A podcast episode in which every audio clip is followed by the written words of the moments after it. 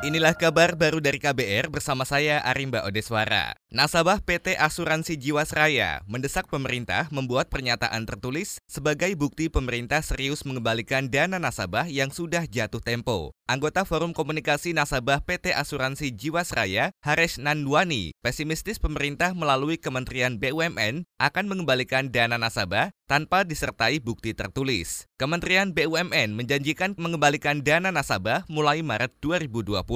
Kita tetap menagih kepada mereka, ketemuin kita, atau bikin statement tertulis. Lu mau minta dua bulan kah, satu bulan kah, itu kan semuanya irrelevant. Kasih-kasih tertulis dong. Jadi kalau dia bilang ngomong itu kan nanti dia ada fine print. Anggota Forum Komunikasi Nasabah PT Asuransi Jiwasraya, Haris Nanwani mengklaim belum menerima penggantian dana dari perusahaan asuransi milik pemerintah itu sejak setahun tahun lalu. Haris juga pesimistis terhadap rencana pemerintah yang akan membuka holding asuransi BUMN untuk membantu pendanaan Jiwasraya. Menurutnya, rencana pemerintah tidak logis mengingat Jiwasraya sebagai induk perusahaan sedang dalam kesulitan keuangan.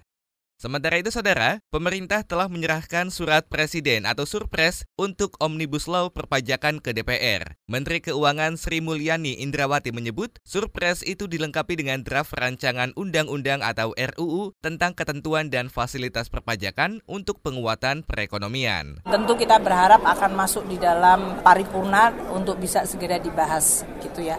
Menteri Keuangan Sri Mulyani Indrawati menyebut, Omnibus Law perpajakan merupakan upaya pemerintah merelaksasi perpajakan sehingga stabilitas ekonomi Indonesia dapat terjaga meskipun penerima beragam tekanan perekonomian global. Selain itu, Omnibus Law pajak akan menjadi payung hukum untuk perusahaan di sektor digital. Sri Mulyani berharap DPR segera menggelar rapat paripurna dan merampungkan Omnibus Law pajak.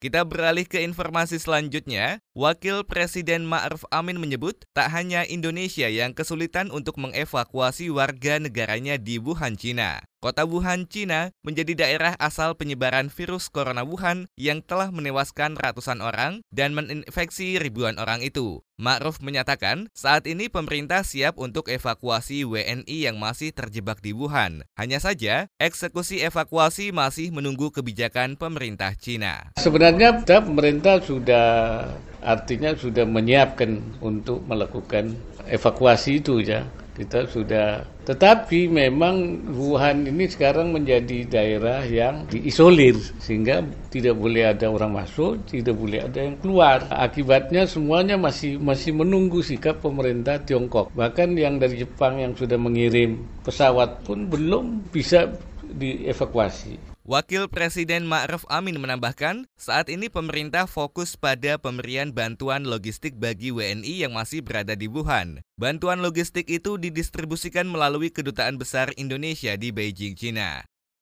Kita menuju ke informasi mancanegara. Pemerintah Amerika telah mengevakuasi sekitar 200-an warga negaranya keluar dari Wuhan, China, termasuk sekitar 36 diplomat dan keluarga. Melansir dari CNN, evakuasi itu dilakukan untuk menekan kekhawatiran penyebaran virus corona Wuhan. Kementerian Luar Negeri Amerika mencatat sekitar seribuan warganya tinggal di Wuhan. Warga yang kembali dari Wuhan akan melalui dua tahap pengecekan kesehatan dan proses rehabilitasi. Selain Amerika, Jepang juga mulai memulangkan 200-an warganya dari Wuhan. Demikian kabar baru dari KBR, saya Arimba Odeswara.